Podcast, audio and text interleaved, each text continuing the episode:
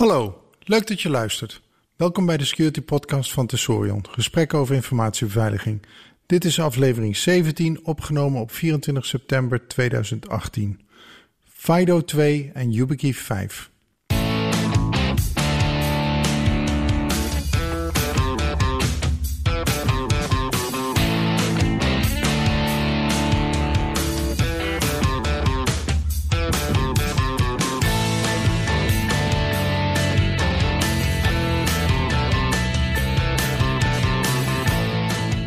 In deze aflevering FIDO 2 en YubiKey 5. Ik ben Lex Borgen en dit is een mini-podcast. Het is alweer weken geleden dat ik uh, op vakantie ging en daarna nog om persoonlijke redenen een paar weken geen podcast kon opnemen.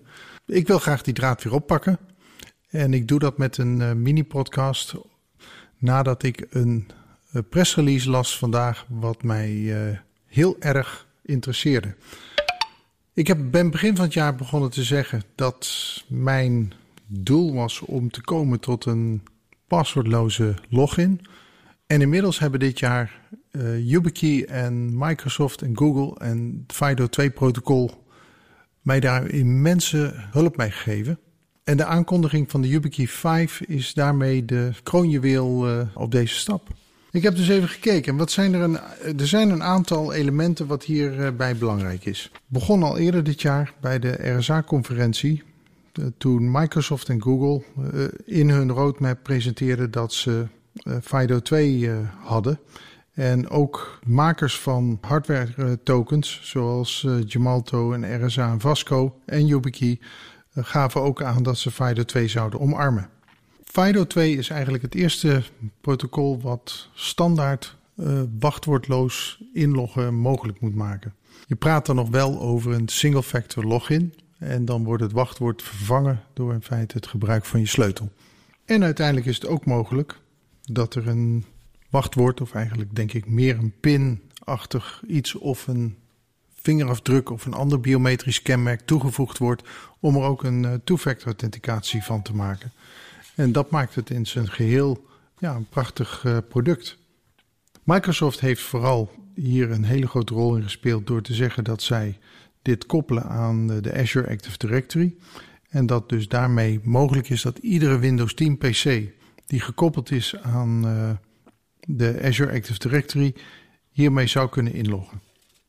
Wat is nou FIDO 2? FIDO 2 is een raamwerk van specificaties. De FIDO zelf staat voor Fast Identity Online. En daarmee zegt het in feite alles. En hun doel is om een inlog-identiteit te creëren die niet gefished kan worden, niet gereplayed kan worden en ook niet gebroken is, gestolen is op het moment dat een server uh, gecompromitteerd is. En dat is een uh, behoorlijke harde eis die ze prachtig waarmaken door slim gebruik van cryptografie. Doordat die cryptografie lokaal verwerkt wordt, uh, voordat die uh, aan de remote kant uh, van de server getoetst wordt, heb je dus ook de mogelijkheid om lokaal daar een pin of een biometrisch kenmerk aan toe te voegen. En wat ze sowieso vereisen is dat daar een gesture bij zit, dus op zijn minst een activeringsknop bedienen. Dat is natuurlijk ook wel heel handig, want dat betekent dat als het apparaatje waarmee je identificeert eh, gewoon los in je zak zit, dan is het niet mogelijk voor een kwaadwillende geest om de, het passief in jouw zak te gaan uh, vissen. Dus dat uh, haalt ook even één aanvalsfactor weg.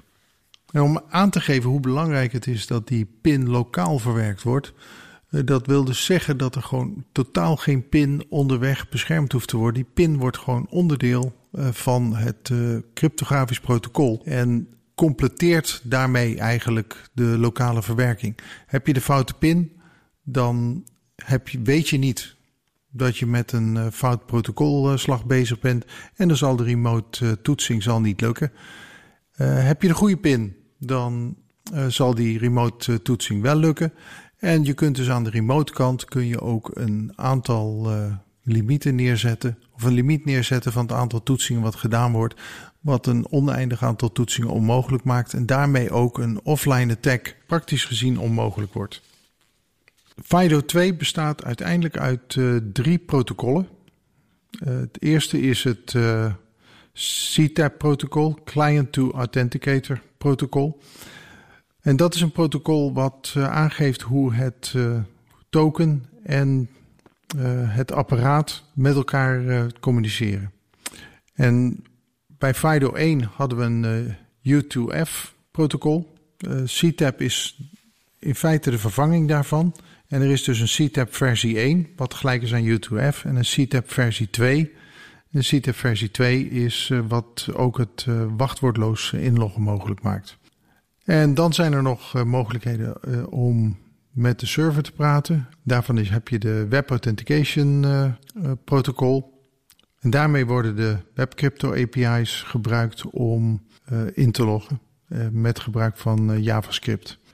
En om de federatie mogelijk te maken is er nog een attestatieprotocol. Daarmee kunnen de gegevens van een sterke login doorgegeven worden aan een andere server. En op die manier kan de, krijg je dus een single sign-on beleving. Wat de YubiKey 5 daar nou nog aan toevoegt, is een eh, NFC mogelijkheid. Die dan ook een tap-and-go mogelijk maakt. En juist die toevoeging maakt het natuurlijk wel heel erg mooi. En ik ben heel erg uh, benieuwd hoe dat in de toekomst gaat uh, blijken. Want ik heb zo'n ding, ik heb eigenlijk alleen nog maar gelezen wat het kan. En dat belooft veel voor wanneer ik een YubiKey 5 in handen krijg. Om federatie geheel mogelijk te maken moeten er ook nog protocol profiles zijn. En daar wordt aan gewerkt. De, de protocollen waarvoor profielen ontwikkeld worden zijn OpenID en SAML 2.0. En als je deze twee protocollen alleen al bij elkaar telt, dan heb je een prachtige dekking van eh, de, de federatie capabilities in de markt van vandaag. Er zijn ook mogelijkheden om het, uh, de authenticatie te binden aan een HTTPS-kanaal. Eh, of zelfs aan meerdere HTTPS-sessies achter elkaar. Waardoor je dus een duurzame sessie kunt hebben zonder dat je gebonden bent aan een specifieke TLS-handshake. Fido heeft nog andere mooie mogelijkheden. Het is privacyvriendelijk. aan zich hoeft een website die van Fido gebruik maakt helemaal geen persoonlijke data op te slaan. Ze hoeven alleen maar een, een identiteit te kunnen herkennen. En van die identiteit hoeven ze verder eigenlijk niet veel te weten. En als je dus ook gewoon nagaat, een webshop hoeft eigenlijk niet te weten wie er bij hem uh, shopt. Zolang ze maar weten waar de spullen naartoe gestuurd moeten worden. En dat ze kunnen verifiëren dat uh, de betaling juist gemaakt is. En als je praat over uh, contexten waar niet eens iets verstuurd hoeft te worden. Dan zou het helemaal niet nodig hoeven zijn om jezelf bekend te maken. En natuurlijk zijn er altijd gevallen waarbij dat wel moet. Ik denk even aan bijvoorbeeld medische toepassingen en financiële toepassingen. daar heb je gewoon in de context heel hard nodig dat je natuurlijk wel bekend bent. Maar dat zijn dan de specifieke use cases van deze sectoren. En wat je met zo'n sleutel natuurlijk ook hebt, is uh, dat je kunt er meerdere gebruiken. bij een wachtwoord ben je gebonden aan één wachtwoord aan je, wat aan je profiel hangt. Maar bij zo'n sleutel kun je dus meerdere sleutels aan je profiel koppelen. En daarmee kun je dus zelf dus zo makkelijk mogelijk maken. Je kunt verschillende tokens op verschillende plaatsen hebben liggen. Of je kunt zelfs, als de token dat toestaat, meerdere profielen voor jezelf in dat token opslaan voor dezelfde website. Ja, dat geeft natuurlijk ook privacygewijs uh, een hele spanne aan mogelijkheden. Wat zijn de grote vragen voor de toekomst? Nou, eigenlijk, ik denk dat, dat als FIDO 2 heel snel omarmd zou worden door de, het landschap aan vendors, van zowel de websites en, applicaties die er gebruik van kunnen maken, als uh, tokenleveranciers die tokens gaan leveren die FIDO 2 compliant zijn, uh, dat we dan al heel eind zijn. En het wordt natuurlijk ook interessant als we gaan kijken naar het FIDO-protocol en de quantum crypto veiligheid daarvan. Of eigenlijk gewoon hoe makkelijk kunnen crypto-protocollen uitgewisseld worden in de tokens. En dat vergt ook weer wat aandacht bij de tokenmakers. Dat in ieder geval uh, de upgradebaarheid van de firmware uh, belangrijk is.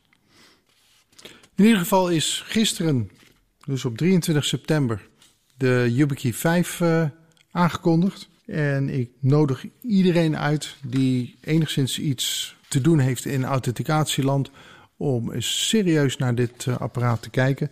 Ik denk dat uh, echt een hele goede toekomst tegemoet gaat. Er zijn verschillende versies van te krijgen.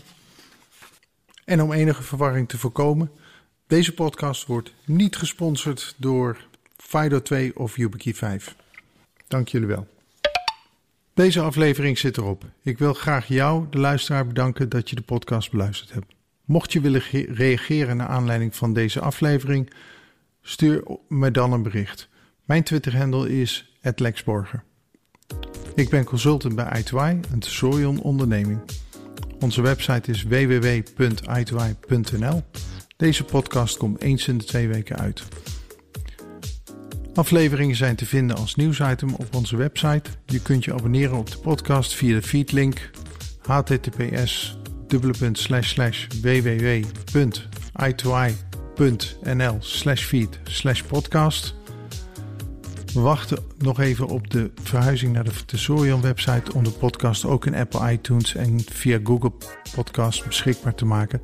Daarover meer wanneer dit beschikbaar is. Dan sluit ik hierbij af. Tot de volgende keer.